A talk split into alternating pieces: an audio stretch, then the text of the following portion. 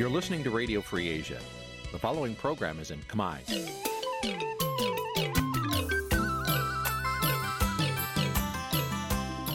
នេះជាកម្មវិធីផ្សាយ Vuthu Azizi Serai នេះជាកម្មវិធីផ្សាយរបស់ Vuthu Azizi Serai ជាភាសាខ្មែរ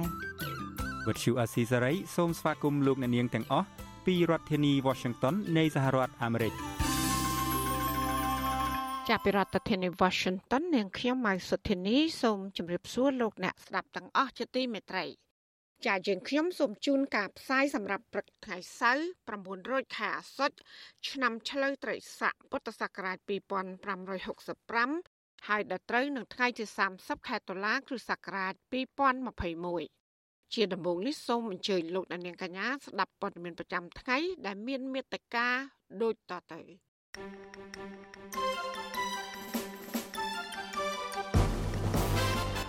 អ្នកតាមដានកិច្ចការអន្តរជាតិជំរុញឲ្យកម្ពុជា បង្ហាញជំហរឯករាជ្យក្នុងនាមជាប្រធានអាស៊ានអ្នកវិភាគជំរុញឲ្យលោកហ៊ុនសែនអនុញ្ញាតឲ្យប្រមហាក្សត្របំពេញបរិយាតួនាទីរបស់ព្រះអង្គស្របតាមច្បាប់ បរដ្ឋជិត200គ្រួសារនៅខេត្តព្រះវិហារចោតមេឃុំម្នាក់ថាបានបិទផ្លូវសាធារណៈបណ្ដាលឲ្យរាំងស្ទះដល់ការដឹកកសិផលចាសសិស្សបារម្ភថាការសិក្សាក្នុងអំឡុងពេលរាលដាលនៃជំងឺ Covid-19 នឹងប៉ះពាល់ដល់លទ្ធផលប្រឡងមធ្យមសិក្សាទុតិយភូមិខាងមុខចារួមនឹងព័ត៌មានផ្សេងផ្សេងមួយចំនួនទៀតជាបន្តទៅទៀតនេះនាងខ្ញុំម៉ៃសុធានីសូមជូនព័ត៌មានទាំងនោះពឺស្ដា ចាលោកនាងជាទីមេត្រីមន្ត្រីជាន់ខ្ពស់របបឯកបកប្រកាសថាកម្ពុជា ក្នុងនាមជាប្រធានអាស៊ាននឹងដោះស្រាយបញ្ហាចំនួននយោបាយនៅមីយ៉ាន់ម៉ាឬភូមា ជាបញ្ហាអតិភិបប៉ុន្តែអ្នកវិភាគលើកឡើងថាប្រធានអាស៊ាន ឆ្នាំ2022នឹងមានបញ្ហាប្រឈមជាច្រើនទៀតដែលត្រូវដោះស្រាយចាប់ពីរដ្ឋធានី Washington លោកទីនយ៉ាក្រាយារីកាព័ត៌មាននេះ ក្រុមអ្នកតាមដានកិច្ចការអន្តរជាតិលើកឡើងថាកម្ពុជាក្នុងនាមជាប្រធានអាស៊ានត្រូវដោះស្រាយបញ្ហាចំនួនសមុទ្រចិនខាងត្បូងបញ្ហាជំងឺ Covid-19 និងរដ្ឋប្រហារយោធានៅភូមាលោកបណ្ឌិតសេនស៊ូរីប្រាប់អាស៊ីសេរីកាលពីថ្ងៃទី29ដុល្លារថាបញ្ហានៅចំពោះមុខដែលកម្ពុជាត្រូវធ្វើមុនគេនោះគឺកម្ពុជាត្រូវដឹកនាំអាស៊ានដោះស្រាយបញ្ហាចំនួននយោបាយនៅភូមាដែលជាបញ្ហាក្តៅកគុកនាពេលបច្ចុប្បន្ន ប៉ុន្តែនៅទន្ទឹមនឹងកម្ពុជាត្រូវកិត្តគូរឿងចំនួននយោបាយនៅភូមានោះកម្ពុជាក៏ត្រូវដោះស្រាយបញ្ហាផ្ទៃក្នុងខ្លួនឯងអំពីបញ្ហាសិទ្ធិមនុស្សនិងប្រជាធិបតេយ្យដែរអឺយើងឃើញថាកិច្ចការងារផ្ទៃក្នុងដែលដែលកម្ពុជាដែលកម្ពុជាអាចនឹងត្រូវដោះស្រាយនឹងទីមួយគឺដើម្បីអាចឲ្យមានការទុកចិត្តពីសហគមន៍អឺរ៉ុបក្តីមានការទុកចិត្តពីពីសហរដ្ឋអាមេរិកក្តីនោះគឺកម្ពុជាត្រូវតែបង្ហាញច្បាស់អំពីជំហររបស់ខ្លួន ដែលសហគមន៍អឺរ៉ុបក៏ដូចជាសហរដ្ឋអាមេរិកហ្នឹងមានការចោទប្រកាន់អីជាដើមហ្នឹងគឺត្រូវតែយកពេលវេលាហ្នឹងដល់ក្នុងនាមជាប្រធានអាស៊ានផងដើម្បីបង្ហាញជំហរតាក់ទងទៅនឹងរឿងការផ្ដាល់ការចោទប្រកាន់ទៅលើការផ្ដាល់មូលដ្ឋានទ័ពចិនអីជាដើមទី2ដើម្បីបទូបថយឲ្យស្ថានភាពកាន់តែស្រួលនោះគឺតាក់ទងទៅនឹងការបទូបថយបរិយាកាសនយោបាយដើម្បីធ្វើម៉េចឲ្យមានការបោះឆ្នោតដោយសេរីនិងនិងយុត្តិធម៌សម្រាប់ឆ្នាំ2022 2023នេះបាទ ការលើកឡើងរបស់នៃវិភាគនេះនៅបន្ទាប់ពីលោកនាយករដ្ឋមន្ត្រីហ៊ុនសែនបានទទួលញញួរធ្វើជាប្រធានអាស៊ានពីស្ដេចសុលតង់នៃប្រទេសប្រ៊ុយណេក្នុងកិច្ចប្រជុំកំពូលអាស៊ាន លើកទី39តាមប្រព័ន្ធវីដេអូកាលពីថ្ងៃទី28ដុល្លារទាក់ទងនឹងបញ្ហានេះអ្នកនាំពាក្យរដ្ឋាភិបាលលោកផៃស៊ីផានប្រាប់អាស៊ីសេរីថាលោកហ៊ុនសែននឹងផ្ដោតលើបញ្ហាចំនួននយោបាយនៅភូមាហើយស្វែងរកដំណោះស្រាយដើម្បីបញ្ចប់ចំនួននយោបាយនៅភូមា ចំហរបស់ប្រធានដែលកម្ពុជាខ្លាចជាប្រធានប៉ុន្តែបដូវវេនរបស់អាស៊ានហ្នឹងយើងធ្វើតាមអ្វីដែលលក្ខខណ្ឌច្បាប់របស់អាស៊ានណាណាគឺចាប់ផ្ដើមពី5ចំណុចដែលបានឯកភាពជុំគ្នាបាទរហូតមកដល់ថ្ងៃហ្នឹងយើងទើបបានជាប្រធានមួយថ្ងៃពីរថ្ងៃទេណាហើយសេចក្តីសម្រេចហ្នឹងគឺស្ថិតទៅលើគេសម្ដេចប្រធានរបស់អាស៊ានហ្នឹងគឺសម្ដេចតេជោ ជារដ្ឋមន្ត្រីកម្ពុជាហ្នឹងលោកជាប្រធានបន្តវេនហ្នឹងក៏ប្រូវេនហ្នឹងដូច្នេះអានេះជាសិទ្ធិរបស់លោកទេតែខ្ញុំមិនដឹងថាលោកធ្វើយ៉ាងម៉េចយ៉ាងម៉េចទេក៏ប៉ុន្តែការសម្រេចចិត្តរបស់សម្ដេចតេជោហ្នឹងគឺការខំប្រឹងប្រែងអស់ពីសមត្ថភាពដើម្បីជួយដោះស្រាយនៅក្នុងវិបត្តិរបស់ប្រទេសភូមានេះឯងបាទរីឯរដ្ឋមន្ត្រីការបរទេសនិងកិច្ចសហប្រតិបត្តិការអន្តរជាតិលោកប្រាក់សុខុនវិញលើកឡើងដែរថា កម្ពុជានឹងតែងតាំងប្រសិទ្ធពិសេសថ្មីរបស់អាស៊ាន ដើម្បីចូលទៅប្រទេសភូមាចរចាបញ្ចប់ចំនួននយោបាយនៅដើមឆ្នាំក្រោយលោកថាកម្ពុជាក្នុងនាមជាប្រទេសអាស៊ាននឹងជំរុញមេដឹកនាំយោធាភូមាឲ្យបើកកិច្ចសន្ទនាដើម្បីឈានទៅដោះស្រាយបញ្ហាជាប់គាំងនយោបាយនៅភូមានាពេលបច្ចុប្បន្ន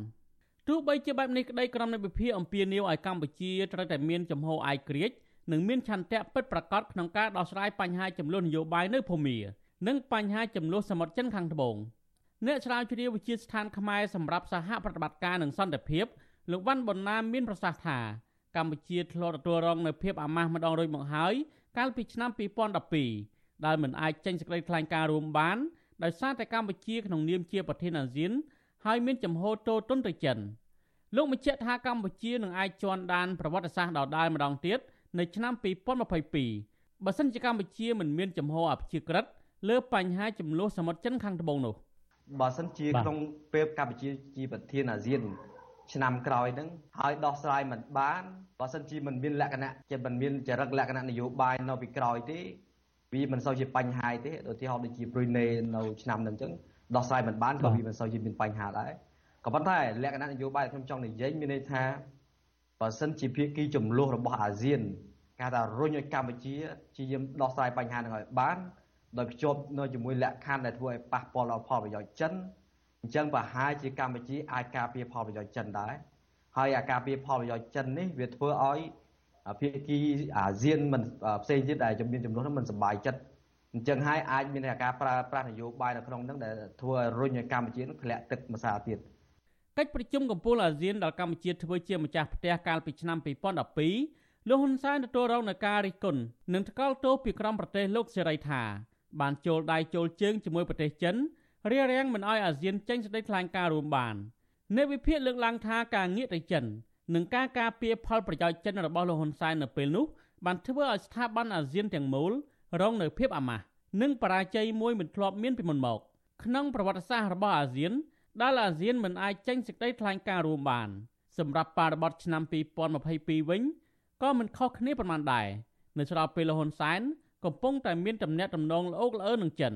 ហើយថែមទាំងគេរកឃើញថារបបឯកបកបានផ្ដាល់មូលដ្ឋានទ័ពចិននៅខេត្តប្រសេះហនុថែមទៀតនោះតែទៅនឹងបញ្ហានេះបណ្ឌិតសេនស៊ូរីបញ្ជាក់ថានៅឆ្នាំ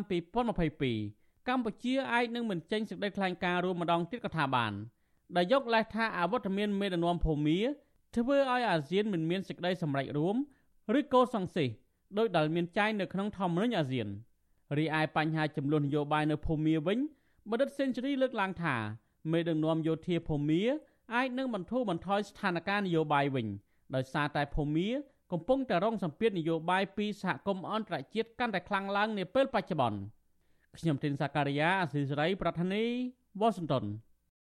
ចាលោកនាងជាទីមេត្រីពាក់ព័ន្ធនឹងមេដឹកនាំនៅកម្ពុជានេះដែរក្រុមអ្នកវិភាគលើកឡើងថាមេដឹកនាំស្ថាប័នកម្ពុជារបស់ជាតិជាពិសេសគឺលោកហ៊ុនសែនមិនបានគ្រប់គ្រងឬក៏ថ្វាយមធ្យោបាយដល់ព្រះមហាក្សត្រដើម្បីឲ្យព្រះអង្គបំពេញបរិជ្ជកិច្ចពេញលេញស្របតាមច្បាប់ក្នុងរយៈពេលនៃការគ្រងរាជសម្បត្តិជិត20ឆ្នាំនេះទេ ការលើកឡើងនេះក្នុងឱកាសព្រះពិធីបុណ្យខួបលើកទី17នៃការយាងគ្រងរាជសម្បត្តិរបស់ព្រះមហាក្សត្រព្រះបាទសម្ដេចព្រះបរមនាថនរោត្តមសីហមុនីនៅថ្ងៃទី29ខែតុលាចាលោកសេកបណ្ឌិតរាជការព័ត៌មាននេះដូចតទៅក្រមអ្នកវិភាគលើកឡើងថាព្រះមហាក្សត្រត្រូវការចាំបាច់នៅការគ្រប់គ្រងនិងថ្វាយមធ្យោបាយដើម្បីទ្រង់អាចបំពេញព្រះរាជកិច្ចតាមរដ្ឋធម្មនុញ្ញ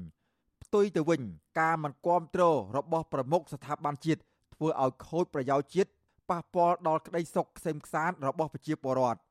អ្នកវិភាគចាស់វសានិងជាអ្នកជំនាញផ្នែកច្បាប់បណ្ឌិតឡៅម៉ុងហៃមានប្រសាសន៍ថា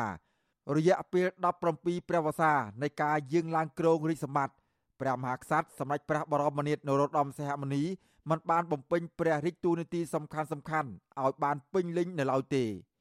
លោកថាបញ្ហានេះ បានធ្វើឲ្យពលរដ្ឋខកចិត្តនឹងព្រះមហាក្សត្ររហូតមានការប្រមាថព្រះមហាក្សត្រថែមទៀតផងទោះយ៉ាងណាលោកបណ្ឌិត សង្កេតឃើញថាបញ្ហាទាំងឡាយដែលកើតឡើងមកនោះដោយសារតែមេដឹកនាំស្ថាប័នជាតិពិសេសលោកនាយករដ្ឋមន្ត្រីហ៊ុនសែនមិនជួយគ្រប់គ្រងនិងថ្វាយមធ្យោបាយឲ្យទ្រង់អាចបំពេញព្រះរាជទូនីតិបានពេញលេញជាព្រះមហាក្សត្រដោយច្បាប់ចែងនោះឡើយ ដែលមិនបានជួយគ្រប់គ្រងលោកមិនបានថ្វាយមធ្យោបាយថ្វាយលោកបាទនឹងគឺលោកមិនបានបំពេញភារកិច្ចតែករណីកិច្ចរបស់លោកបាទជាព្រះមហាក្សត្របាទចាបាទប្រជាពលរដ្ឋមួយចំនួនហ្នឹងគឺដូចជាខកចិត្តនឹងលោកបាទចាបាទមានការជេរប្រមាថលោកទៅទៀតដូចជាសំរងស៊ីយ៉ាងបាទចាបាទនិយាយចំទៅបាទចាបាទបណ្ឌិតឡៅម៉ុងហៃរីគុណទៀតថា ក្រុមអ្នកដឹកនាំប្រទេសសពថ្ងៃថែមទាំងធ្វើច្បាប់លួចសិទ្ធិអំណាចព្រះមហាក្សត្រថែមទៀតជាឧទាហរណ៍រដ្ឋធម្មនុញ្ញចែងថាព្រះមហាក្សត្រមានបបប្រសិទ្ធលើកលែងទោសនិងបន្ធូរបន្ថយទោសទណ្ឌិតប៉ុន្តែមានការធ្វើច្បាប់មួយទៀតដោយកំណត់ថា ការលើកលែងទោសឬបន្ធូរបន្ថយទោសត្រូវធ្វើឡើងតាមសំណើនាយករដ្ឋមន្ត្រីលោកថាបញ្ហានេះជះឥទ្ធិពលអាក្រក់ដល់សង្គមនិងពលរដ្ឋ អានឹងតាមពិតគឺខុសរដ្ឋធម្មនុញ្ញយើងនិយាយថាផ្លូវច្បាប់ចឹងណាបាទត្រឹមតែខុសធម្មនុញ្ញគឺក្បត់នឹងឆន្ទៈរបស់ប្រជាប្រដ្ឋខ្មែរដែលគេដែលសម្ដែងឆន្ទៈរបស់គេហ្នឹងហើយក៏ដំណើរការនៃស្ថាប័នរដ្ឋពូលមួយនេះគឺអត់បានល្អត្រឹមត្រូវតាមរដ្ឋធម្មនុញ្ញតាមដែលដែលឈរលើមូលដ្ឋាន និងក្នុងក្របខ័ណ្ឌរដ្ឋធម្មនុញ្ញបាទ ការលើកឡើងរបស់បណ្ឌិតឡៅម៉ុងហែកបែបនេះគឺនៅក្នុងឱកាសនៃព្រះរាជពិធីបុណ្យខួបលើកទី17នៃការយាងគ្រងរាជសម្បត្តិព្រះមហាក្សត្រព្រះបាទសម្ដេចព្រះបរមនាថនរោត្តមសីហមុនីឆ្លើយតបនឹងរឿងនេះអ្នកនាំពាក្យគណៈបកប្រជាជនកម្ពុជាលោកឈឹមផវរុនបកស្រាយថាការលើកឡើងរបស់អ្នកវិភាគគ្រាន់តែជាការបញ្ចេញទស្សនៈលោកអះអាងថា ព្រះមហាក្សត្រទ្រង់បំពេញព្រះរាជទូនាទីត្រឹមត្រូវតាមច្បាប់ចែងនៅប្រទេសតាមប្រទេសនៅអឺរ៉ុបក៏ចឹងដែរគឺព្រះមហាក្សត្រដែលជាប្រមុខរដ្ឋហ្នឹងគឺធ្វើកិច្ចការត្រឹមតែការងារធានាឲ្យការងាររួមរបស់រដ្ឋាភិបាលតែរឿងកិច្ចការឲ្យមានប្រសិទ្ធភាពជោគជ័យគុណភាពអាហ្នឹងជារឿងរបស់រដ្ឋាភិបាលជារឿងរបស់នយោបាយទោះយ៉ាងណាកាលពីឆ្នាំ2005លោកនាយករដ្ឋមន្ត្រីហ៊ុនសែនបានគម្រាមរំលាយរបបរាជានិយម ហើយដាក់ជំនួសមកវិញនៅរបបសាធារណរដ្ឋបើព្រះមហាក្សត្រមិនព្រមឡាយប្រហោះលេខាលើសន្ធិសញ្ញាបំពេញបន្ថែមស្ដីពីព្រំដែនកម្ពុជាវៀតណាមក្រោយមកទៀតនៅក្នុងសារសម្លេងបែកធ្លាយកាលពីឆ្នាំ2018លោកហ៊ុនសែនបាននិយាយថាព្រះបិតាមេដារបស់ព្រះមហាក្សត្រក៏លោកមិនខ្លាចដែរ ជាមួយខ្ញុំគឺកុំនិយាយសោះឪស្ដេចម៉ែស្ដេចក៏ខ្ញុំដាក់ដែរកុំនិយាយរឿងបញ្ហាអាកូនអ្នកធំក្មួយអ្នកធំឬក៏ក្មួយអីចេះការយោគយល់គឺអត់ទេជុំវិញរឿងនេះអ្នកវិភាគនយោបាយដែលកំពុងភៀសខ្លួននៅប្រទេសហ្វាំងឡង់លោកកឹមសុខសង្កេតឃើញថាលោកហ៊ុនសែនមិនត្រឹមតែមិនជួយគាំទ្រព្រះមហាក្សត្រនៅក្នុងការបំពេញព្រះរាជកិច្ចនោះទេប៉ុន្តែមេដឹកនាំរបបក្រុងភ្នំពេញរូបនេះ ថែមទាំងធ្លាប់ប្រមានរំលាយរបបរាជានិយមថែមទៀតផងលោកបន្តថាទង្វើរបស់មេដឹកនាំក្រុងភ្នំពេញបែបនេះព្រោះខ្លាចព្រះមហាក្សត្រមានឥទ្ធិពល និងមានប្រជាប្រិយភាពជាងខ្លួន។ គេព្យាយាមធ្វើច្បាប់ឬក៏កែច្បាប់មួយចំនួនតាំងពីរដ្ឋធម្មនុញ្ញរហូតទៅដល់ច្បាប់ធម្មតាដើម្បីព្យាយាមកម្រិតសិទ្ធិរបស់ព្រះករុណាព្រះមហាក្សត្រមិនអាចឲ្យព្រះអង្គបំពេញតួនាទីតាមព្រះហឫទ័យរបស់ព្រះអង្គក្នុងការជួយប្រជាពលរដ្ឋបានទេព្រះបាទសម្ដេចព្រះបរមនាថនរោត្តមសីហមុនីទ្រង់បានប្រសូតនៅថ្ងៃទី14ខែឧសភា ឆ្នាំ1953និងត្រូវបានក្រមប្រឹក្សារាជសម្បត្តិជ្រើសតាំងជាព្រះមហាក្សត្រ គ្រងរាជសម្បត្តិកាលពីឆ្នាំ2004បន្ទាប់ពីព្រះបិតារបស់ព្រះអង្គដាក់រាជតាមរដ្ឋធម្មនុញ្ញព្រះមហាក្សត្រទ្រង់គ្រងរាជសម្បត្តិតែមិនកាន់អំណាចឡើយប៉ុន្តែទ្រង់មានព្រះរាជទូនាទីសំខាន់សំខាន់មួយចំនួន ដូចជាព្រះអង្គជាឧត្តមក្រុមប្រឹក្សានៃអង្គចៅក្រម ជាឧត្តមក្រុមប្រឹក្សាការពារជាតិនិងជានិមិត្តរូបនៃឯកភាពជាតិនិងនិរន្តរភាពជាតិជាដើម។ លោកបណ្ឌិតឡៅម៉ុងហៃជំរុញទៅក្រមមេដឹកនាំកាន់អំណាចកម្ពុជាកម្ពុជារបស់ជាតិរួមគ្នាថ្វាយមធ្យោបាយឬការគ្រប់គ្រងដល់ព្រះមហាក្សត្រដើម្បីព្រះអង្គអាចក្លាយជាអ្នកធានាឯករាជ្យភាពតុលាការធានាការគោរពសិទ្ធិមនុស្សសេរីភាពពលរដ្ឋធានាការគោរពនិងអនុវត្តសន្ធិសញ្ញាអន្តរជាតិជាដើមខ្ញុំបាទសេកបណ្ឌិតវុទ្ធុអាស៊ីសេរីពីរដ្ឋធានីវ៉ាស៊ីនតោន ចាលោកនាយកជាទីមេត្រីក្រសួងសុខាភិបាល ប្រកាសឲ្យប្រើវ៉ាក់សាំងថ្មីដែលផលិតនៅប្រទេសរុស្ស៊ីក្នុងលក្ខខណ្ឌបន្ទាន់ ចារដ្ឋមន្ត្រីក្រសួងសុខាភិបាលលោកមុំបន្ថេងកាលពីថ្ងៃទី29ខែតុលាម្សិលមិញបានបញ្យល់ថាវ៉ាក់សាំងរុស្ស៊ីប្រើតែបានក្នុងអំឡុងពេលមានគ្រោះអាសន្នសុខភាពសាធារណៈនៃជំងឺ Covid-19 ដែលកំពុងកើតមានដោយមានចែងនៅក្នុងផែនការដាក់ពង្រាយវ៉ាក់សាំងជាតិបច្ចុប្បន្ន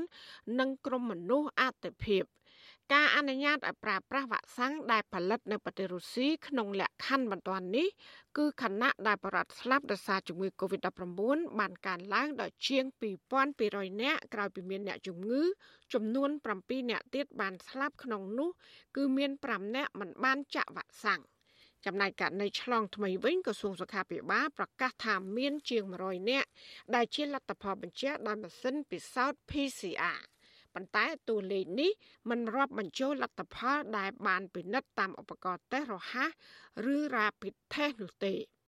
ចាគិតត្រឹមព្រឹកថ្ងៃទី29ខែតុលាកម្ពុជា មានអ្នកកើតជំងឺ Covid-19 ជិត120,000នាក់ក្នុងនោះ គឺមានអ្នកជាសះស្បើយមានជាង110,000នាក់ ក្រសួងសុខាភិបាលប្រកាសថាគិតត្រឹមព្រឹកថ្ងៃទី28ខែតុលារដ្ឋាភិបាល បានចាក់វ៉ាក់សាំងជូនពលរដ្ឋទៅគ្រប់អាយុបានស្ទើរតែ100%ក្នុងចំណោម10លាននាក់ចំណែកកុមារនិងយុវជនដែលមានអាយុពី6ឆ្នាំដល់17ឆ្នាំវិញក្រសួងបញ្ជាក់ថាការចាក់វ៉ាក់សាំងបានជាង3លាន7សែននាក់ក្នុងចំណោមអ្នកដែលត្រូវចាក់សរុបជិត4លាននាក់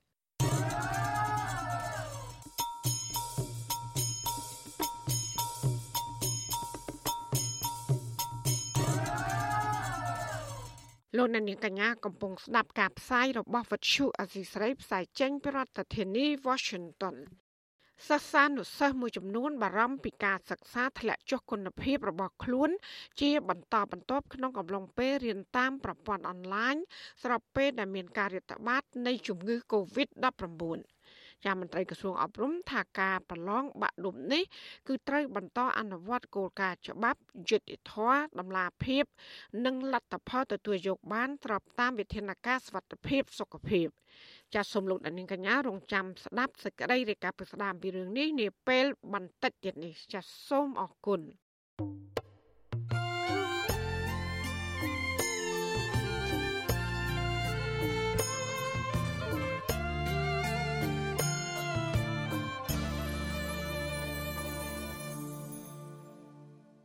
ចាលោកនាងជាទីមេត្រីនៅឯខេត្តព្រះវិហារនៅវិញប្រជាប្រដ្ឋជិត200គ្រួសារចោតមេឃុំម្នាក់ថាបានបិទផ្លូវសាធារណៈបណ្ដាលឲ្យរាំងស្ទះដល់ការដឹកកសិផល និងសកម្មភាពសេដ្ឋកិច្ចរបស់អ្នកភូមិជាច្រើនគ្រួសារចាពួកគាត់បានផ្តិតមេដៃស្នើឲ្យអាជ្ញាធរមូលដ្ឋានដោះស្រាយបញ្ហានេះជាច្រើនខែមកហើយតែគ្មានដំណោះស្រាយចានេះគឺជាសកម្មភាពរបស់លោកលេងម៉ាលីពីរដ្ឋធានី Washington ពលរដ្ឋរាប់រយគ្រួសាររស់នៅភូមិបដិវត្តឃុំច្រាច់ស្រុកជ័យសែនមិនសប្បាយចិត្តចំពោះទង្វើរបស់មេឃុំច្រាច់លោកសៅសំដែលពួកគាត់ចោទថាបានប្រើអំណាចជាអាជ្ញាធរបិទផ្លូវសាធារណៈជាង1ឆ្នាំមកហើយបណ្ដាលឲ្យរាំងគប់ការធ្វើដំណើរនិងដឹកកសិផលរបស់អ្នកស្រុកតំណាងពលរដ្ឋលោកសូវិតផល្លាប្រាប់វិទ្យុអស៊ីសេរីនៅថ្ងៃទី29ដុល្លារថា មេឃុំរូបនេះបានធ្វើរបងលួសបិទផ្លូវជាច្រើនខែមកហើយធ្វើឲ្យអ្នកភូមិត្រូវចំណាយប្រាក់យ៉ាងច្រើនបើកគោយន្តតាមផ្លូវវាងដើម្បីទៅស្រែលោកថាពលរដ្ឋ170គ្រួសារបានផ្តិតមេដៃនិងសរសេរលិខិតម្ដងហើយម្ដងទៀតដើម្បីស្នើឲ្យអាជ្ញាធរឃុំមេត្តាបើកផ្លូវនេះឡើងវិញប៉ុន្តែអាជ្ញាធរនៅតែបដិសេធលោកបន្ថែមថាផ្លូវនេះអ្នកភូមិធ្វើដំណើរជាង40ឆ្នាំមកហើយអាជ្ញាធរទើបតែបិទគប់នៅចុងឆ្នាំ2020ណាក៏ដល់ដែរផ្លូវនោះ មកភូមិដល់ផ្លូវនោះរហូតប៉ុណ្ណឹងទៅនៅតែគាត់ស្បត់អត់មានណាពីណាគេដើរដើរយ៉ាងណាបើបត់បាត់ហើយសំបីតែខ្ញុំវៀងទៅភូមិគីអីពីដាស់មកស្រែក្នុងមួយភាសានេះចំណាយអស់ប្រេង60លីត្រក៏នៅវៀងក៏ការលំបាកបធ្វើដំណើរប្រចាំថ្ងៃណាបងប្រចាំថ្ងៃលំបាកនោះអើយឥឡូវថ្ងៃនេះក៏ដល់ស្រូវទុំស្រូវអីចេះកំកើតនឹងផ្លូវបដឹកស្រូវដឹកអីវៀងទៅទៅភូមិគីវៀងក៏វាការយ៉ាប់លំបាក តំណាងពលរដ្ឋដដាលបន្ថែមថារដូវប្រមូលផលកសិកម្មកាន់តែគៀកអ្នកភូមិនឹងជួបការលំបាកក្នុងការដឹកកសិផលពីស្រែប្រសិនបើមេឃុំមិនបើកផ្លូវនោះទេលោកថានៅគ្រាដែលមេឃុំបិទផ្លូវពួកលោកត្រូវធ្វើដំណើរតាមផ្លូវវាងកាត់តាមភូមិផ្សេងទៀតជាច្រើនគីឡូម៉ែត្រទម្រាំដល់ដីស្រែ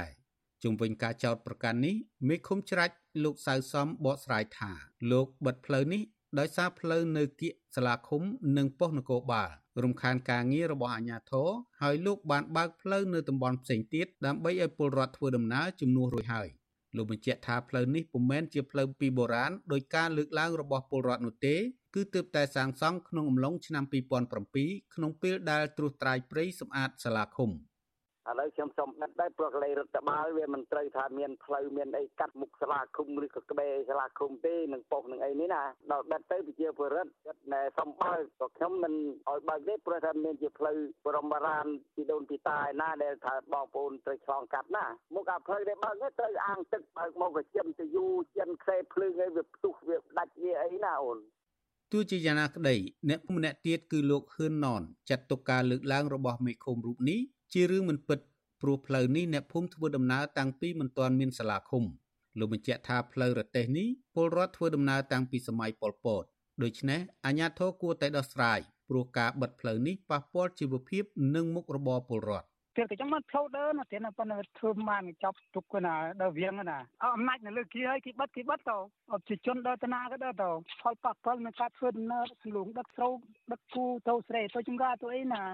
ជុំវិញរឿងនេះដែរ ប្រធានមជ្ឈមណ្ឌលប្រជាពលរដ្ឋដើម្បីអភិវឌ្ឍនិងសន្តិភាពលោកយងកំឯងចាត់ទុកទង្វើរបស់មេឃុំបែបនេះថាជាការរំលោភអំណាចប៉ះពាល់សកម្មភាពសេដ្ឋកិច្ចរបស់ពលរដ្ឋលោកថាអាញាធរខេត្តព្រះវិហារត្រូវតែស៊ើបអង្កេតរឿងនេះឲ្យច្បាស់លាស់និងដោះស្រាយឲ្យឆាប់រហ័សដើម្បីសម្រាលទុក្ខលំបាករបស់ពលរដ្ឋលោកបញ្យល់ថាទួលនីតិរបស់អាញាធរឃុំគឺបំរើពលរដ្ឋសម្របសម្រួលដោះស្រាយបញ្ហា និងអភិវឌ្ឍសេដ្ឋកិច្ច ពុំមែនបង្កើតបញ្ហាឲ្យពលរដ្ឋថ្នាំងថ្នាក់នោះទេផ្លូវនោះគឺជាផ្លូវដែលប្រជាពលរដ្ឋគេធ្លាប់ដើរតាំងពីយូរយារមកហើយ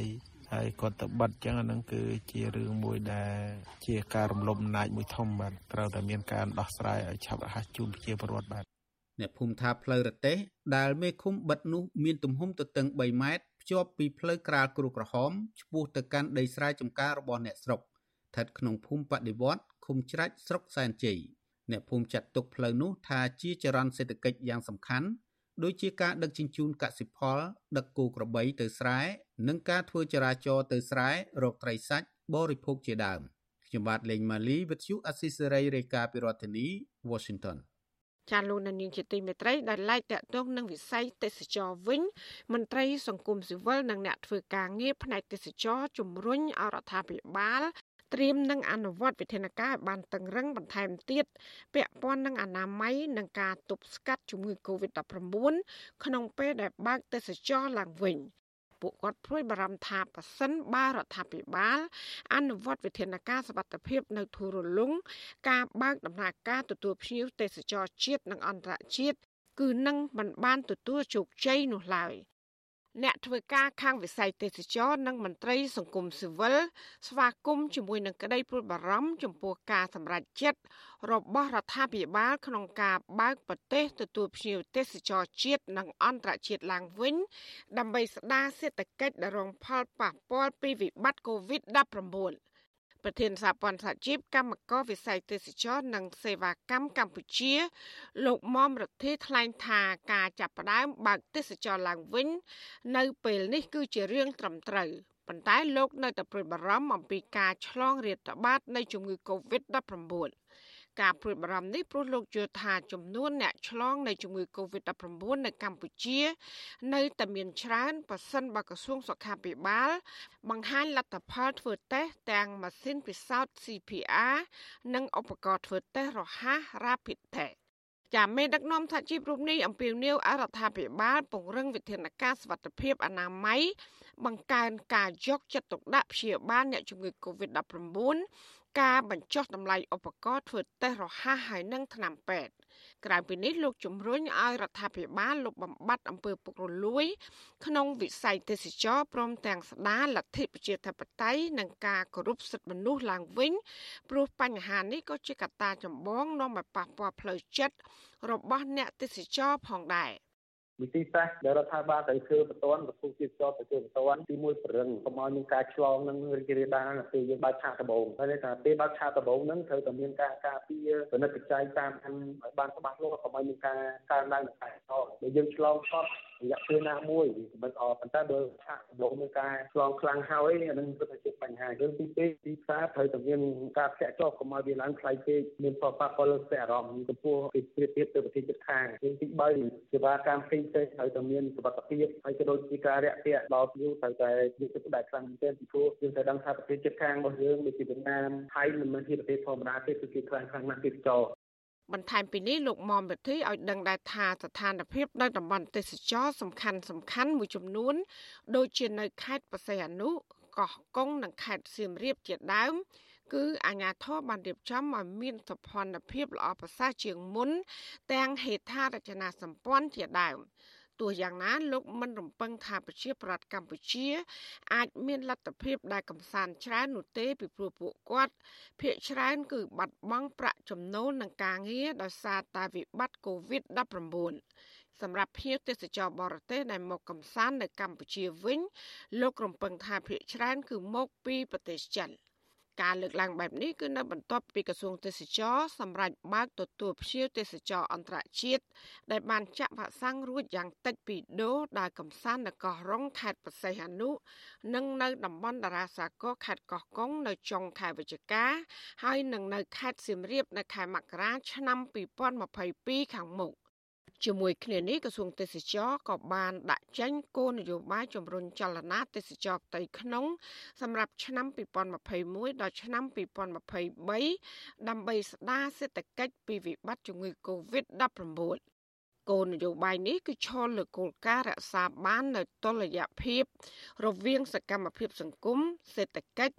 និងការធានាសុវត្ថិភាព និងសុខភាពសាធារណៈសម្រាប់ប្រជាប្រដ្ឋទៅភ្ញៀវទេសចរដើម្បីបង្កលក្ខណៈងាយស្រួល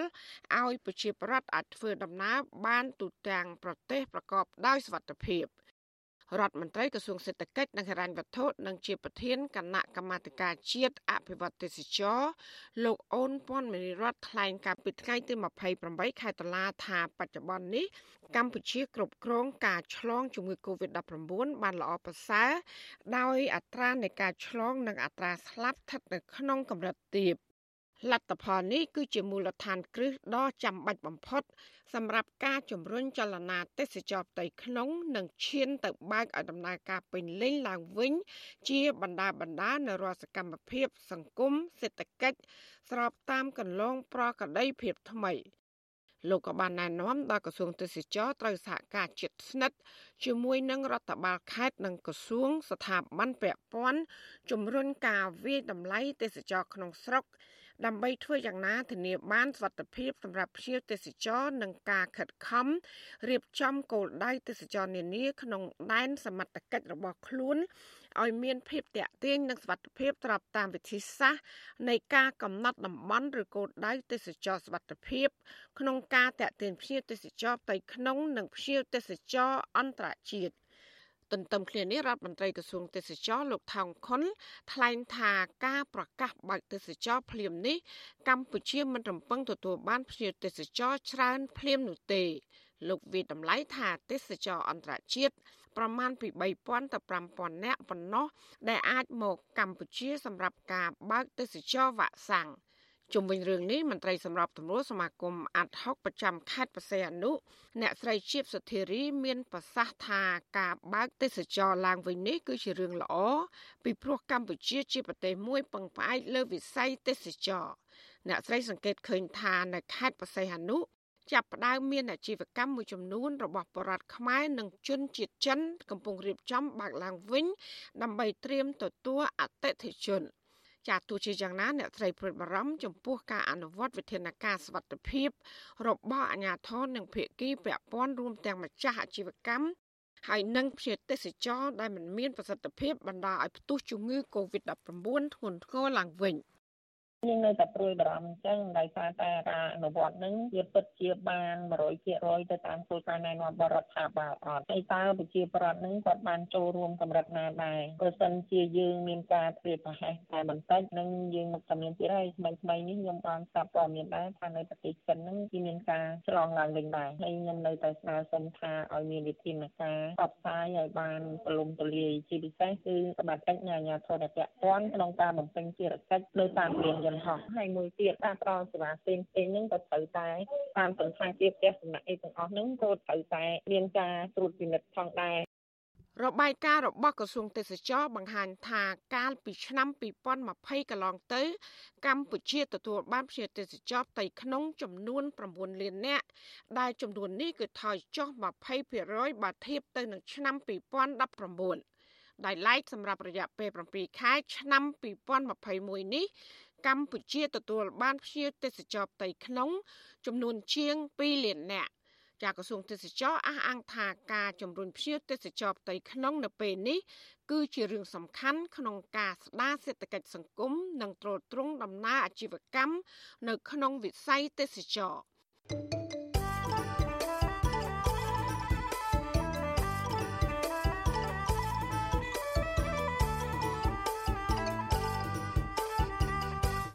ចាលោកនាងកញ្ញាកំពុងស្ដាប់ការផ្សាយរបស់វិទ្យុអសីស្រីផ្សាយចេញពីរដ្ឋធានី Washington ចានៅឯខេត្តមណ្ឌលគិរីនោះវិញជនជាដើមភាគតិចភ្នងជាង100គ្រួសារចោតមន្ត្រីយោធាផ្កាយ2ម្នាក់ថាបានប្រើអំណាចរំលោភយកដីសមរភាពរបស់ពលរដ្ឋអស់ជាច្រើនហិកតា អ្នកភូមិអំពាវនាវឲ្យអភិបាលខេត្តថ្មី ផ្ដល់ដំណោះស្រាយចំនួនដីធ្លីនេះដោយដំណាភាពនិងយុត្តិធម៌ស្របតាមច្បាប់ ចាសសូមលោកអ្នកនាងកញ្ញាស្ដាប់សេចក្តីរាយការណ៍របស់អ្នកស្រីខែសំណងជុំវិញព័ត៌មាននេះពលរដ្ឋជាង100គ្រួសាររស់នៅភូមិពូស្យាមភូមិពូឆប់ឃុំដាក់ដាំស្រុកអូរាំងនៅតែបន្តស្វែងរកការជួយជ្រោមជ្រែងផ្នែកច្បាប់ពីអាជ្ញាធរខេត្តមណ្ឌលគិរីនិងមន្ត្រីសង្គមស៊ីវិលដើម្បីប្តឹងមន្ត្រីយោធាផ្កាយ2ម្នាក់ឈ្មោះអ៊ុំណាគ្រី ករណីយកគ្រឿងចាក់ឈូសឆាយបំពេញយកដីសមូហភាព និងដីចំការស្រល់ទំហំ100ហិកតានៅរយៈពេល2សប្តាហ៍ចុងក្រោយនេះតំណាងពលរដ្ឋលោកផ្ចានច្រែនប្រាប់វិទ្យុអាស៊ីសេរីនៅថ្ងៃទី28តុលាថាដីព្រៃសមូហភាព នៅចំណុចពុត្រក្នុងភូមិពូឆប់ដែលអ្នកភូមិរាប់រយគ្រួសារអាស្រ័យផលនិងធ្វើចំការបែបប្រពៃណីជាច្រើនចំនួនមកហើយនោះកំពុងប្រឈមការរំលោភបំពានពីមន្ត្រីយោធាជាន់ខ្ពស់រូបនេះ លោកថាជំហររបស់អ្នកភូមិគឺប្តឹងទាមទារដីទាំងនោះប្រកុលជូនសហគមន៍អាស្រ័យផលវិញព្រោះតំបន់នោះជាឆ្នាំងបាយរបស់ពួកគាត់លោកបញ្ជាក់ថាថ្មីថ្មីនេះមន្ត្រីយោធារូបនេះបានយកគ្រឿងចាក់ជាច្រើនគ្រឿងកាយក្រវ៉ាត់ព្រំដី និងហុំព័ទ្ធយកដីទំហំ100ហិកតា នៅតំបន់នោះធ្វើឲ្យពលរដ្ឋផ្ទុះការតវ៉ា ក្នុងសហគមន៍នោះគេយល់ចាថាក្នុងនោះពីព្រោះសហគមន៍នោះគេថាបើជនវាគាត់យកក្នុងដីតំបន់សហប្រងនោះវាបាត់បង់ដីព្រៃហើយទី1បាត់បង់ដីព្រៃទី2បាត់បង់ដីចំការវល់ចំបបងប្អូនជនជាតិដើមភាគតិចទីប្រឹក្សាបណ្ដាញសហគមន៍ជនជាតិដើមភាគតិចភ្នងលោកក្រឹងតុលា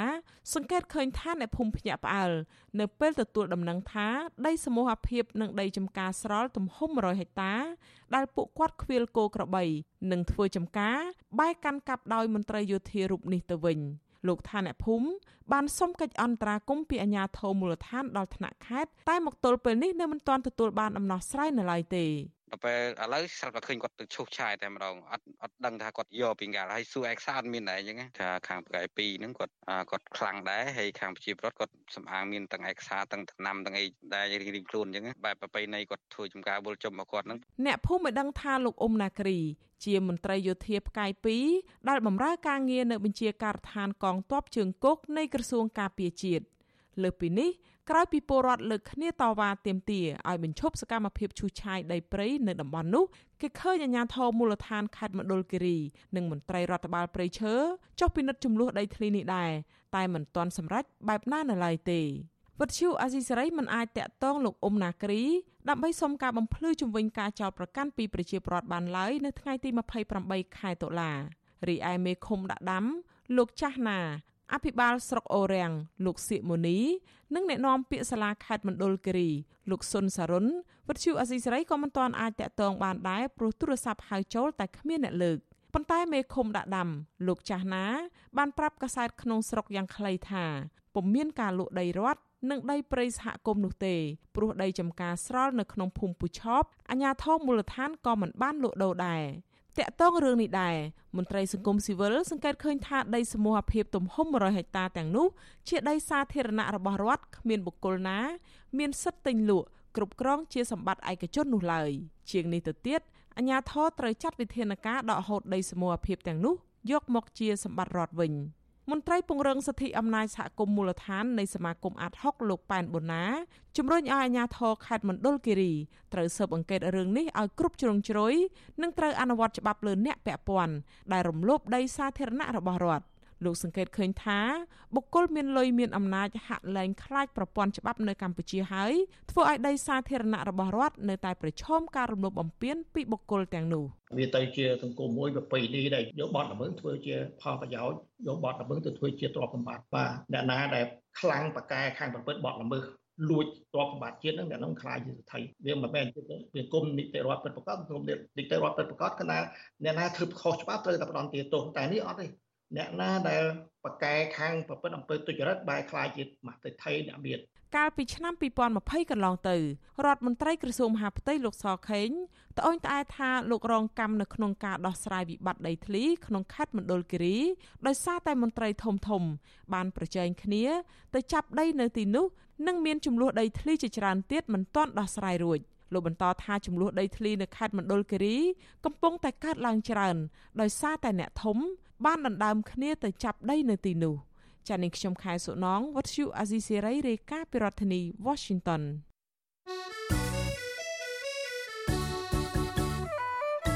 ចាលោកនាងជាទីមេត្រីក្នុងឱកាសនេះដែរនាងខ្ញុំសូមថ្លែងអំណរគុណ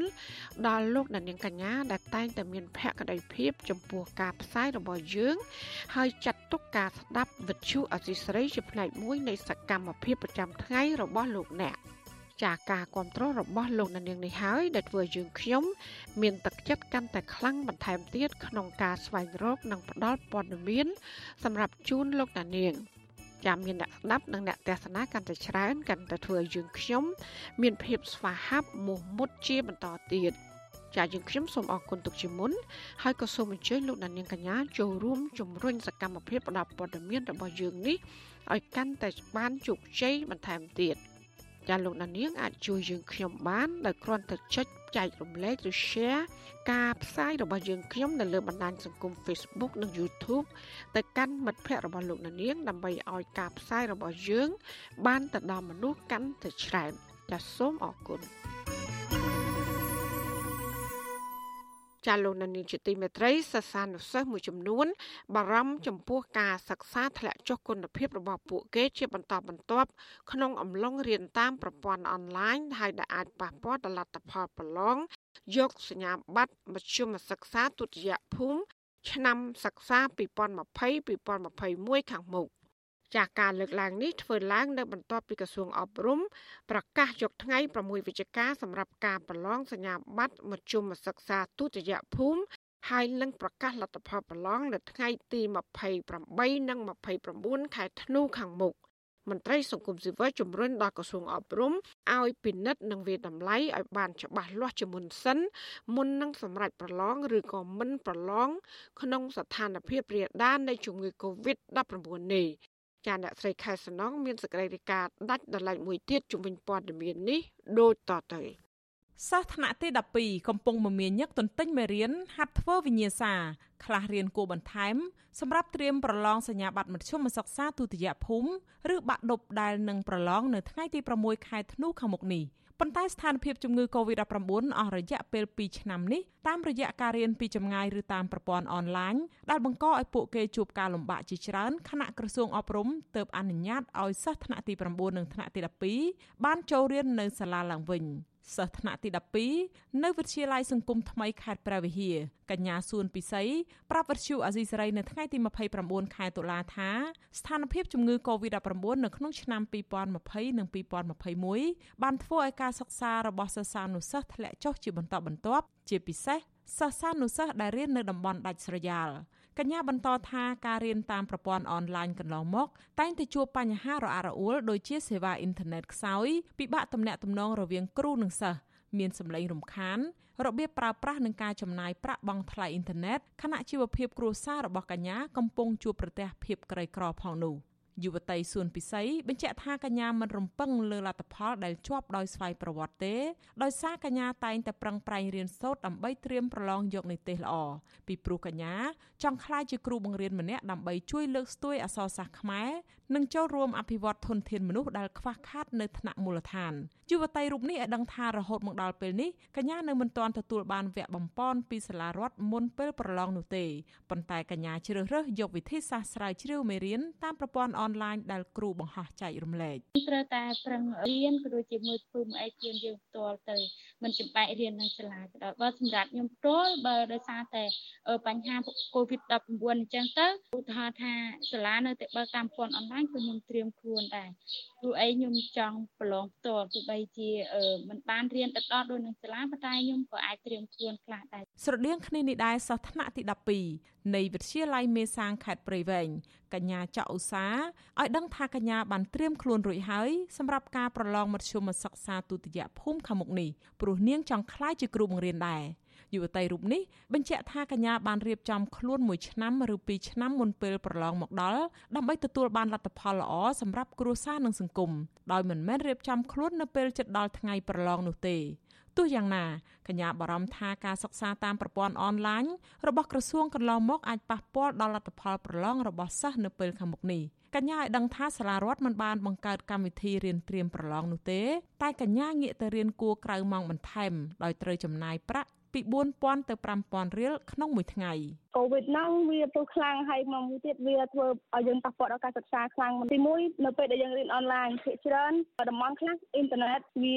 អត់ដើរទេពេលគ្រូនិយាយពេលខ្លះឬពេលខ្លះលើហើយមេរៀនក៏អត់បានផ្ទាល់ទេដូចគ្រូយើងចង់សួរអីហើយពេលខ្លះខ្លះខ្លះដូចខ្ញុំនិយាយជាក់ស្ដែងគឺអាពេលគ្រូសួរអាកន្លែងណាអត់ចេះគឺអត់ឆ្លើយទេគឺអ៊ីនធឺណិតខ្ញុំដាច់លោកគ្រូប៉ុន្តែបើសម្រាប់ខ្ញុំខ្ញុំបានត្រៀមខ្លួនរួចរាល់ហើយសម្រាប់ការប្រឡងមកដប់ សិស្សថ្នាក់ទី12ម្នាក់ទៀតនៃវិទ្យាល័យហ៊ុនសែនព្រៃនប់ខេត្តព្រះសីហនុកញ្ញាកុយសច្ចនាប្រាប់ថាកញ្ញាភ័យអសម្រាប់ការប្រឡងឆ្នាំនេះពីព្រោះការរៀនតាមប្រព័ន្ធអនឡាញអំឡុងពេលរីករាលដាលជំងឺ Covid-19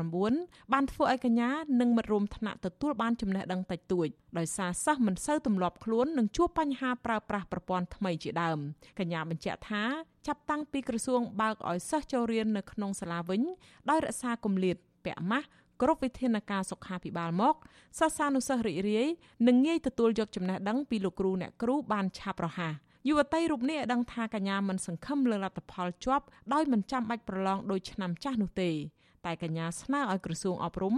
រៀបចំមណ្ឌលប្រឡងនៅតាមវិទ្យាល័យដែលសិស្សកំពុងសិក្សាវិញ ដើម្បីជួយសម្រួលដល់ការធ្វើដំណើរនិងទប់ស្កាត់ការឆ្លងជំងឺ Covid-19 ផងខ្ញុំហើយនិងពួកម៉ាក់របស់ខ្ញុំគឺមើលឃើញថាការរៀនរបស់ពួកខ្ញុំគឺធ្លាក់ខ្លាំងហ្មងបងនិយាយទៅវាពិបាកក្នុងការធ្វើលំហាត់ធ្វើអីវិញវាមានអារម្មណ៍ថាបញ្យល់យ៉ាងណាក៏បញ្យល់ចូលវាហាកម្រិតការនៃការរៀនរបស់យើងវាអត់បានដូចនៅពេលដែលយើងរៀននៅសាលាអញ្ចឹងណាតែក៏ អរគុណលោកគ្រូអ្នកគ្រូដែលគាត់ខិតខំបង្រៀនពួកខ្ញុំទាំងសម័យកូវីដទាំងសុខភាពខ្លួនឯងគាត់ខំមែនតែនដើម្បីពួកខ្ញុំការលើកឡើងនេះធ្វើឡើងបន្ទាប់ពីក្រសួងអប់រំប្រកាសកាលពីថ្ងៃទី28ខែតុលាបានកំណត់យកថ្ងៃទី15ខែវិច្ឆិកាសម្រាប់ការប្រឡងសញ្ញាបត្រមធ្យមសិក្សាបឋមភូមិឬហៅថាឌីប្លូមនិងប្រកាសលទ្ធផលប្រឡងនៅថ្ងៃទី22ខែវិច្ឆិកាជាមួយគ្នានេះ ក្រសួងក៏បានកំណត់ថ្ងៃទី6ខែវិច្ឆិកាសម្រាប់ការប្រឡងសញ្ញាបត្រមធ្យមសិក្សាទុតិយភូមិឬបាក់ឌុបហើយប្រកាសលទ្ធផលប្រឡងនៅថ្ងៃទី28និងថ្ងៃទី29ខែធ្នូ ដោយឡែកនៅថ្ងៃដដែលនេះដែរក្រសួងក៏បានច្រានចោលខ្លឹមសារព័ត៌មានដែលចុះផ្សាយនៅលើបណ្ដាញសង្គមពាក់ព័ន្ធទៅនឹងការប្រឡងសញ្ញាបត្រមធ្យមសិក្សាបឋមភូមិនិងការប្រឡងសញ្ញាបត្រមធ្យមសិក្សាទុតិយភូមិឆ្នាំសិក្សា2020និង2021ត្រូវកំណត់ឲ្យជាប់ជាស្ថាពរដោយមិនកំណត់និទេសឡើយ ឆ្លើយតបរឿងនេះអ្នកនាំពាក្យក្រសួងអប់រំយុវជននិងកីឡាលោករស់សុវេចាប្រាប់វិទ្យុអាស៊ីសេរីថាក្រសួងនឹងប្រជុំវាយតម្លៃស្ថានភាពពាក់ព័ន្ធដើម្បីរៀបចំការប្រឡងបាក់ឌុបនៅពាក់កណ្ដាលខែវិច្ឆិកាខាងមុខនេះលោកថាបើគ្មានការប្រែប្រួលការប្រឡងបាក់ឌុបត្រូវបន្តអនុវត្តតាមគោលការណ៍ច្បាប់យុត្តិធម៌តម្លាភាព និងលទ្ធផលទទួលយកបាន ស្របតាមវិធានការសុវត្ថិភាពសុខភាព និងបន្ទាប់មកក្រសួងនឹងជួនដំណឹងនាពេលក្រោយទៀត លោកបញ្ជាក់ថាបើការបើកដំណើរការគ្រឹះស្ថានសិក្សាគ្រប់កម្រិតសម្រាប់ការរៀននិងបង្រៀនតាមបណ្ដុំនៅរាជធានីខេត្តដែលមានហានិភ័យទាបកំពុងប្រព្រឹត្តទៅដោយលទ្ធផលអាចទទួលយកបានដោយអនុវត្តតាមគោលការណ៍ប្រតិបត្តិការស្តង់ដារនិងវិធានសុខាភិបាលជាមួយគ្នានេះក្រសួងគ្រងបើកដំណើរការគ្រឹះស្ថានសិក្សាចំណេះដឹងទូទៅគ្រប់កម្រិតនិងគ្រឹះស្ថានឧត្តមសិក្សាសាធារណៈនិងឯកជនរួមទាំងគ្រឹះស្ថានបណ្ដុះបណ្ដាលគ្រូនៅថ្ងៃទី1ខែវិច្ឆិកាខាងមុខនេះ។ រដ្ឋមន្ត្រីក្រសួងអប់រំលោកហងជួននរិនបានថ្លែងនៅក្នុងទិវាគ្រូបង្រៀនកាលពីពេលថ្មីៗនេះថាក្រសួងបានបំពាក់ឧបករណ៍បច្ចេកវិទ្យាទំនើបនៅតាមសាលារៀននិងបន្ទប់រៀនដើម្បីបំពេញសេចក្តីត្រូវការរៀនសូត្រតាមបែបឆ្លាតវៃដូចជាបន្ទប់រៀនឆ្លាតវៃបន្ទប់កុំព្យូទ័របន្ទប់ពិសោធន៍វិទ្យាសាស្ត្របណ្ណាល័យទំនើបនិងការប្រើប្រាស់អ៊ីនធឺណិតជាដើម។ ទោះជាយ៉ាងណាសង្គមស៊ីវិលលើកឡើងថាស្ថានភាពនេះសិស្សានុសិស្សនៅតែប្រឈមខ្ពស់ដដែលចំណែកការអប់រំរវាងសាលារៀននៅទីក្រុងនិងជនបទហើយរវាងសាលារៀនសាធារណៈនិងឯកជនវិញពួកគេសង្កេតឃើញថាសាលារៀននៅទីក្រុង មានគ្រូបង្រៀននិងសម្ភារៈប្រសើរជាងសាលារៀននៅជនបទប្រធានសមាគមគ្រូបង្រៀនកម្ពុជាឯករាជ្យអ្នកស្រីអុកឆាយាវី មានប្រសាសន៍ថាគោលនយោបាយរបស់ក្រសួងអប់រំអំឡុងពេលរីករាលដាលជំងឺ Covid-19 មិនទាន់ឆ្លើយតបទៅនឹងតម្រូវការជាក់ស្ដែងរបស់សិស្សានុសិស្សនៅឡើយទេអ្នកស្រីឲ្យដឹងថាសង្គមស៊ីវិលព្រួយបារម្ភថាបញ្ហាទាំងនោះធ្វើឲ្យប៉ះពាល់ដល់លទ្ធផលប្រឡងរបស់សិស្សានុសិស្សនិងប្រឈមការរាតត្បាតជំងឺ Covid-19 អ្នកស្រីទទូចដល់ក្រសួងអប់រំពិនិត្យនិងវិយតម្លៃស្ថានភាពឲ្យបានច្បាស់លាស់មុននឹងសម្រេចប្រឡងឬមិនប្រឡងពីព្រោះស្ថានភាពនេះ វាមិនមែនជាកត្តាកំណត់គុណភាពអប់រំនោះទេដោយសារប្រព័ន្ធអប់រំមួយនេះបានធ្លាក់ចុះមុនពេលផ្ទុះជំងឺ Covid-19 រួចទៅហើយខ្ញុំក៏សនំពរឲ្យរដ្ឋាភិបាលនឹងគិតគូរពិចារណាឡើងវិញចានៅនៅខែ12ខាងមុខនេះយើងឃើញថាមានហានិភ័យច្រើនហើយសិស្សក៏គាត់ពិបាកក្នុងការទៅប្រឡងដែរការប្រឡងតួប្រឡងនៅតាមសាលាក្តីនៅតាមកន្លែងណាក្តីក៏ត្រូវតែសិស្សានុសិស្សប្រពាក់ប្រពូនគ្នាអញ្ចឹងជំងឺ Covid យើងអត់ដឹងថាអ្នកណាខ្លះកើតអញ្ចឹងណាទាំងហានិភ័យទាំងការលក់ដូរទាំងការសិក្សារបស់សិស្សទាំងលោកគ្រូអ្នកគ្រូយើងទៅធ្វើអនុរិយកាលពីថ្ងៃទី15ខែធ្នូឆ្នាំ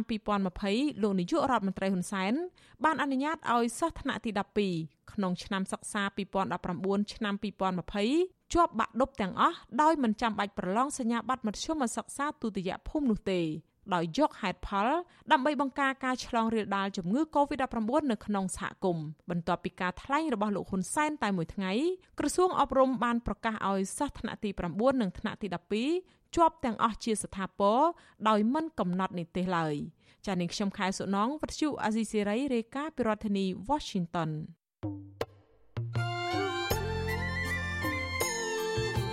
ចាលោកនាងកញ្ញាជាទីមេត្រីក្រៅតែពីការតាមដាន កម្មវិធីផ្សាយរបស់វិទ្យុអាស៊ីសេរី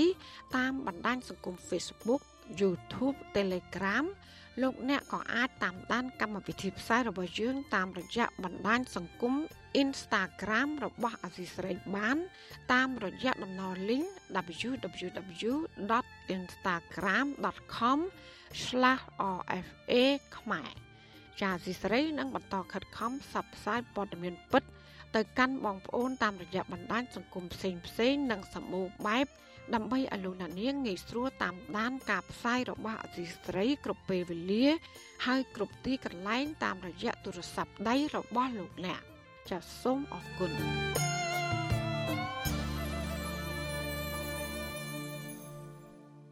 ចាលោកនាងកញ្ញាអ្នកស្ដាប់យុតិមេត្រីបុគ្គលិកមួយចំនួននៃបនលបែងស៊ីសងអនឡាញរបស់ចិន The Century នៅឯក្រុងបរសៃហនុសង្ស័យថាថៅកែបានហៅបុគ្គលិកខ្លះឲ្យចូលធ្វើការវិញដោយស្ងាត់ស្ងាត់ដោយស្ផាត់ពួកគាត់ចេញដោយសារតែពួកគាត់ធ្លាប់ចេញមុខតវ៉ាកន្លងមកនេះការបារម្ភនេះកើតមានឡើងក្រោយដែលបុគ្គលិកកំពុងបន្តរងចាំដំណោះស្រាយនៅបញ្ហាមួយចំនួនពីក្រុមហ៊ុន ចាប់ពីរដ្ឋធានី Washington លោកមួងណារ៉េតមានសេចក្តីរាយការណ៍ពិស្ដារជុំវិញបញ្ហានេះរដ្ឋបាលខេត្តប្រស័យអនុកាលពីថ្ងៃទី28ខែតុលាប្រកាសបិទបញ្ចប់ការធ្វើចតាល័យស័កនៅអាគារស្នាក់នៅរបស់បុគ្គលិកនៃបនលបែងស៊ីសងអនឡាញរបស់ចិន The Century ក្រោយអះអាងថាបុគ្គលិកទាំងអស់បានជាសះស្បើយពីជំងឺ Covid-19 និងបង្គាប់ឲ្យបន្តធ្វើចតាល័យស័ក14ថ្ងៃនៅតាមផ្ទះរៀងៗខ្លួន។ ចំណែកឯអាគារបនលបែងស៊ីសងនេះវិញអាជ្ញាធរខេត្តសីហនុបានផ្អាកដំណើរការបណ្ដោះអាសន្នដោយអះអាងថាដើម្បីស្រាវជ្រាវនិងបន្តនីតិវិធីក៏ប៉ុន្តែក្នុងពេលដែលក្រុមហ៊ុនត្រូវផ្អាកអាជីវកម្មនិងមិនទាន់មានដំណឹងអ្វីជាក់លាក់អំពីដំណោះស្រាយសម្រាប់បុគ្គលិកផងនោះស្រាប់តែបុគ្គលិកជាច្រើនត្រូវក្រុមហ៊ុនទេហៅឲ្យទៅធ្វើការវិញ ការទេហៅទៅធ្វើការវិញនេះបើតាមបុគ្គលិក Casino The Century ដែលសុំមិនបញ្ចេញឈ្មោះប្រាប់វិទ្យុអាស៊ីសេរីកាលពីថ្ងៃទី28ខែតុលាថាគេហៅតែអ្នកដែលមិនធ្លាប់ចូលរួមធ្វើកោតកម្មតវ៉ាទាមទារអត្ថប្រយោជន៍កម្មករប្រការនេះធ្វើឲ្យពួកគាត់ព្រួយបារម្ភអំពីការរើសអើងនឹងអំពើអយុត្តិធម៌មកលើបុគ្គលិកដែលហ៊ានចេញតវ៉ាទាមទារសិទ្ធិកម្មករនាពេលកន្លងមកនោះបុគ្គលិកកន្លែងខ្ញុំហ្នឹងមានអ្នកដែលថាគេទៅហៅធ្វើការខ្លះវិញអញ្ចឹងណា គេប្រាប់ថាអឺ management ខាងហ្នឹងគឺគាត់អ្នកតែហៅខាងរដ្ឋបាលគាត់តែហៅអញ្ចឹងណាចាហ្នឹងហើយមិននិយាយចំគឺអត់ដាក់កន្លែងចាស់ទេគឺបដូរកន្លែងថ្មីគាត់ប៉ុន្តែដូចបុគ្គលិកដែលគាត់ហៅគឺសុទ្ធតែបុគ្គលិកដែលអត់មានបញ្ហាជាមួយនឹងក្រុមហ៊ុនអញ្ចឹងណាពិសេសគឺអ្នកដែលថាអត់ធ្វើកតកម្មជាមួយពួកខ្ញុំគឺសុទ្ធតែគេហៅធ្វើការវិញទាំងអស់កន្លងមកក្រុមហ៊ុននេះរងការរិះគន់ពីមន្ត្រីសហជីពឯករាជ្យថាមានភាពមិនស្មោះត្រង់ចំពោះបុគ្គលិក និងចង់កិច្ចវេះពីការទទួលខុសត្រូវព្រោះបានឲ្យបុគ្គលិកដាក់ពាក្យសុំលាឈប់ពីការងារក្នុងពេលដែលក្រសួងតម្រូវឲ្យធ្វើចតាឡេសាក់បន្តនៅតាមផ្ទះបុគ្គលិករអ៊ូរទាំថាក្រុមហ៊ុននេះនៅតែមានភាពមិនស្មោះត្រង់និងមិនផ្ដល់ព័ត៌មានច្បាស់លាស់និងគ្រប់គ្រាន់ដើម្បីឲ្យបុគ្គលិកអាចទទួលយកបាន ក្នុងពេលដែលរងចាំដំណឹងអំពីស្ថានភាពដំណោះស្រាយការងារ ពួកខ្ញុំអត់មានទៀមទីអីច្រើនទេគាត់ពួកខ្ញុំចង់និយាយថាចេះបើសិនជាក្រុមហ៊ុនគាត់បើកដំណើរការមិនបើកដំណើរការចង់ឲ្យពួកគាត់ក៏ដំណឹងឲ្យពួកខ្ញុំវិញព្រោះពួកខ្ញុំរកការងារធ្វើអត់ចាំអីចឹងណាគាត់ចង់ឲ្យគាត់ហ្នឹងបើថាមិនហៅពួកខ្ញុំឬមួយក៏អីទេគាត់ដំណឹងឲ្យពួកខ្ញុំឬមួយក៏បញ្ចប់ពួកខ្ញុំអីអាហ្នឹងឲ្យគាត់គិតគូរតាមហ្នឹងឲ្យពួកខ្ញុំឲ្យវាចប់រឿងរ៉ាវអីចឹងណារឿងរ៉ាវនេះប្រហែលជាមិនអាចឆាប់ចប់ទេព្រោះខាងក្រុមហ៊ុនផ្អាកដំណើរការក៏ប៉ុន្តែទេហៅបុគ្គលិកចោះចោះ ឲ្យចូលទៅធ្វើការវិញដោយទុកឲ្យបុគ្គលិកជាច្រើនទៀតស្ថិតនៅក្នុងភាពមិនច្បាស់លាស់និងគ្មានដំណោះស្រាយជាក់លាក់នៅឡើយរីឯអាជ្ញាធរមូលដ្ឋានវិញ ពួកគេបានត្រឹមតែអះអាងនៅក្នុងលិខិតរបស់ខ្លួន ថានឹងស៊ើបអង្កេតករណីនេះ ក៏ប៉ុន្តែមិនដឹងថាតើការស៊ើបអង្កេតនេះអាចប្រព្រឹត្តទៅដោយជឿទុកចិត្តបានឬក៏យ៉ាងណាព្រោះកន្លងមកមន្ត្រីសហជីពបានស្នើឲ្យរដ្ឋាភិបាលបង្កើតគណៈកម្មការស៊ើបអង្កេតឯករាជ្យថ្នាក់ជាតិដោយមានការចូលរួមពីភាគីពាក់ព័ន្ធដែរក៏ប៉ុន្តែគ្មានសេចក្តីរាយការណ៍ណាមួយអំពីការបង្កើតគណៈកម្មការបែបនេះនោះទេវិទ្យុអាស៊ីសេរីព្យាយាមតាក់ទងណែនាំពាក្យសាលាខេត្តប្រសិទ្ធនុលោកគៀងភិរមជាច្រើនដងដែរដើម្បីបំភ្លឺរឿងនេះតែលោកមិនលើកទូរស័ព្ទ វិទ្យុអាស៊ីសេរីក៏មិនអាចសុំការបំភ្លឺពីប្រធានមន្ត្រីការងារនិងបណ្ដុះបណ្ដាលវិជ្ជាជីវៈខេត្តប្រស័យអនុលោកយៅខេមរាកាលពីថ្ងៃទី28ខែតុលាដោយលោកមិនលើកទូរស័ព្ទដែរ បុគ្គលិកម្នាក់ទៀតដែលកំពុងតែរងផលប៉ះពាល់ផ្នែកជីវភាពដោយសារតែភាពអត់ការងារធ្វើនិងភាពមិនច្បាស់លាស់នៃដំណោះស្រាយករណីបនលបែងចិននេះប្រាប់វិទ្យុអាស៊ីសេរីនៅក្នុងលក្ខខណ្ឌសុំមិនបញ្ចេញឈ្មោះដែរថាក្រុមហ៊ុននេះហាក់ដូចជាចង់ឲ្យបុគ្គលិកស្ងប់ចិត្តដោយសន្យាថានឹងគិតគូរអំពីបញ្ហារបស់បុគ្គលិកដែរក៏ប៉ុន្តែភាពមិនច្បាស់លាស់និងខ្វះព័ត៌មាននិងភាពខ្វះដំណាភាពធ្វើឲ្យបុគ្គលិកស្ថិតនៅក្នុងស្ថានភាពវល់វល់ ក្រុមហ៊ុនគឺគេការពួកខ្ញុំសួរហ្នឹងនៅពេលពួកខ្ញុំអឺគេឲ្យកណ្ដាស់ថាជ្រឹងឈឺអីហ្នឹងគេខាងក្រុមហ៊ុននិយាយថាខ្ញុំសួរថាបងដល់ពេលក្រុមហ៊ុនហ្នឹងបែបម៉េចគាត់ថាក្រុមហ៊ុនហ្នឹងអត់បិទទេគាត់ថាគាត់ធ្វើតាមក្រសួងក្រសួងគឺឲ្យពួកខ្ញុំហ្នឹងទៅធ្វើចិត្តលិស័កនៅផ្ទះហើយពួកខ្ញុំនិយាយថាចុះឧទាហរណ៍ថាបើសិនជាក្រុមហ៊ុនអត់ថាពួកខ្ញុំនិយាយដល់ពេលហើយក៏គាត់និយាយថាអត់ទេក្រុមហ៊ុនគឺគេនឹងហាពួកខ្ញុំហើយពួកខ្ញុំក៏បានសួរ រឿងលុយអត្តភាពលុយអីអញ្ចឹងណាគាត់ខាងក្រុមហ៊ុនគាត់និយាយថាអឺលុយហ្នឹងគាត់ថាអត់មានទេព្រោះអីក្រុមហ៊ុនអត់បត់បិទដល់ពេលពួកខ្ញុំក៏និយាយថាចុះប៉ះក្រុមហ៊ុនអត់ហៅទៅមិនគាត់ថាអត់ទេក្រុមហ៊ុនគឺប្រកាសជាហៅគាត់និយាយអញ្ចឹងណាបងវត្តឈូអាស៊ីសេរីមិនអាចសុំការបំភ្លឺពីអ្នកគ្រប់គ្រងធនធានមនុស្សនៃបនលបែងកាស៊ីណូ The Century លោកសសំណាងបានទេ កាលពីថ្ងៃទី28ខែតុលាដោយសារតែលោកមិនលើកទូរស័ព្ទដែរ ក៏ប៉ុន្តែមកដល់ពេលនេះក្រុមហ៊ុនត្រូវផ្អាកដំណើរការបុគ្គលិកខ្លះត្រូវក្រុមហ៊ុនហៅទៅធ្វើការវិញអត់តែពួកគាត់ដែលធ្លាប់ចូលរួមតវ៉ានៅក្រុមហ៊ុនការអះអាងរបស់ក្រុមហ៊ុននេះទៀតសោតធ្វើឡើងដោយផ្ទាល់មាត់និងគ្មានកិច្ចសន្យាអ្វីច្បាស់លាស់នោះឡើយមន្ត្រីសហជីពថាស្ថានភាពបែបនេះធ្វើឲ្យបុគ្គលិកទាំងនោះជួបបញ្ហាធំដោយក្រុមហ៊ុនអាចនឹងមិនយកពួកគាត់ចូលធ្វើការវិញក៏បានព្រោះគ្មានធ្វើកិច្ចសន្យាច្បាស់លាស់បែបនេះ ប្រធានសហភាពការងារកម្ពុជាលោកអាតធុនបារម្ភថាបុគ្គលិកគ្មានតំណាងសហជីពធ្វើឲ្យតកែក្រុមហ៊ុនអាចកេងប្រវ័ញ្ចអត្ថប្រយោជន៍និងសិទ្ធិរបស់ពួកគាត់បានយ៉ាងងាយលោកថានៅក្នុងករណីបែបនេះស្ថាប័នអាណាព្យាបាលគឺមានតែក្រសួងការងារតែប៉ុណ្ណោះដែលអាចជួយដោះស្រាយបញ្ហាពួកគាត់បានបើទោះបីជាយ៉ាងនេះក្តីលោកអាតធុនលើកទឹកចិត្តឲ្យបុគ្គលិកដែលមានបញ្ហានាំគ្នាដាក់ពាក្យប្តឹងដើម្បីសុំអន្តរាគមន៍ ហើយកន្លងមកខ្ញុំឃើញថាបើมันមានអន្តរាគមពីរដ្ឋមន្ត្រីឬក៏ពីនាយករដ្ឋមន្ត្រីឬក៏ពីខាងណាទេគឺនៅមន្ទីរឬក៏ស្ថាប័នរដ្ឋមួយចំនួនដូចជាធ្វើហ្នឹងដូចជាមិនសូវស្វាហាប់ទេរឿងខ្លះក៏មានអន្តរាគមពីសហជីពពីខាងអង្គការហ្នឹងក៏មានការដុតដៃដុតជើងខ្លះដែរ ចឹងខ្ញុំគិតថាវាបុគ្គលិកបើសិនជាមន្ទីរមិនធ្វើការគឺគេអាចប្តឹងមកសហជីពឬក៏អង្គការពាក់ព័ន្ធឬក៏ប្តឹងទៅនាយករដ្ឋមន្ត្រីឬក៏រដ្ឋមន្ត្រីឬក៏ចៅហ្វាយខេត្តទៅដើម្បីដាក់សម្ពាធឲ្យមន្ទីរនឹងធ្វើការឬក៏ក្រុមហ៊ុននឹងដោះស្រាយបញ្ហាហ្នឹងបនលបែងកាស៊ីណូអនឡាញចិននេះស្ថិតនៅភូមិលេខ5សង្កាត់លេខ4ក្រុងប្រស័យអនុមានបុគ្គលិកបម្រើការ437នាក់ដែលឆ្លងជំងឺ Covid-19 និងស្លាប់ម្នាក់កាលពីចុងខែកញ្ញា ក្រុមគ្រួសារសពកំពុងតែរងចាំយុត្តិធម៌រដ្ឋាភិបាលបានបិទបនលបែងអនឡាញតាំងពីខែសីហាឆ្នាំ2019ក៏ប៉ុន្តែបនលបែងអនឡាញនេះនៅតែបើកដំណើរការបាននៅកណ្ដាលក្រុងប្រស័យអនុរហូតធ្វើឲ្យបុគ្គលិកឆ្លងជំងឺ Covid-19 ពេញកាស៊ីណូទើបតែអាជ្ញាធរខេត្តប្រកាសឲ្យផ្អាកដំណើរការជាបណ្ដោះអាសន្នកាលពីថ្ងៃទី22ខែតុលាកន្លងទៅ ឥឡូវបុគ្គលិកកម្មករកំពុងតែប្រឈមបញ្ហាជីវភាពនិងបំណុលធនាគារក្នុងពេលដែលពួកគាត់មិនបានទទួលដំណឹងច្បាស់លាស់អំពីការស៊ើបអង្កេតនិងដំណោះស្រាយរឿងការងារនេះ។មន្ត្រីសម្របសម្រួលសមាគមការពារសិទ្ធិមនុស្សអាត់ហុកប្រចាំខេត្តបរសៃអនុអ្នកស្រីជីបសុធារីស្នើឲ្យភាគីពាក់ព័ន្ធបង្ហាញព័ត៌មានឲ្យបានទូលំទូលាយនិងច្បាស់លាស់ដើម្បីឲ្យបុគ្គលិកអាចសម្រេចចិត្តត្រឹមត្រូវដើម្បីដោះស្រាយបញ្ហាជីវភាពនិងអនាគតការងារ អ្នកស្រីបន្ថែមថាបើក្នុងករណីដែលកាស៊ីណូនេះមានសាខាថ្មីដែលត្រូវការបុគ្គលិកក្រុមហ៊ុនគួរតែផ្ដល់ភាពស្មើគ្នាដល់បុគ្គលិកទាំងអស់ដោយមិនត្រូវរើសអើងពួកគាត់នោះឡើយ។ចឹងគួរតែផ្ដល់ឱកាសឲ្យពួកគាត់ដែរបើសិនជាគាត់នៅតែស្ម័គ្រចិត្តធ្វើការងារនៅកន្លែងមួយពួកអីច្បាប់កម្ពុជាយើងក៏បានចែងដែរថាប្រជាប្រដ្ឋគ្រប់រូបមានសិទ្ធិក្នុងការជ្រើសរើសមុខរបរការងារធ្វើដោយទៅតាមសមត្ថភាពនិងចំណេះដឹងរបស់ពួកខ្លួននិងជំនាញដែលគាត់មានណា ហើយក៏សូមឲ្យមានការយកចិត្តដាក់ផងដែរនៅពេលបច្ចុប្បន្ននេះឲ្យបានគ្រប់ទៅតាមច្បាប់ការងារព្រោះប្រទេសកម្ពុជាយើងមានច្បាប់ការងារមួយដែលមានលក្ខណៈស្តង់ដារអន្តរជាតិដែរតែសំខាន់ថាក្នុងការអនុវត្តនោះវាមិនទាន់បាន100%ទេមន្ត្រីអង្គការសង្គមស៊ីវិលខ្លំមើលផ្នែកសិទ្ធិមនុស្សរូបនេះថាបើរដ្ឋយកចិត្តទុកដាក់នៅក្នុងការពង្រឹងការអនុវត្តច្បាប់ការងាររបស់កម្ពុជាឲ្យបានម៉ឺងម៉ាត់នោះបុគ្គលិកកម្មករខ្មែរនឹងទទួលបានឱកាសអត្ថប្រយោជន៍ និងកិច្ចគាំពៀជាច្រើនពីច្បាប់នេះ។ខ្ញុំបាទមួងណារ៉េត With you Asia Saray ប្រធានាធិបតី Washington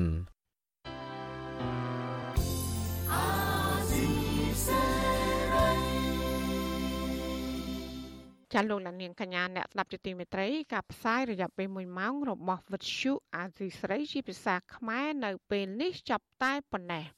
ចាយើងខ្ញុំទាំងអស់គ្នាសូមជូនពរលោកនាងនិងក្រុមគ្រួសារទាំងអស់ សូមជួបប្រកបតែនឹងសេចក្តីសុខសេចក្តីចម្រើន ជានិរន្តរ៍ចានាងខ្ញុំម៉ៃសុធានីព្រមទាំងក្រុមការងារទាំងអស់របស់អសីស្រីសូមអរគុណនិងសូមជម្រាបលា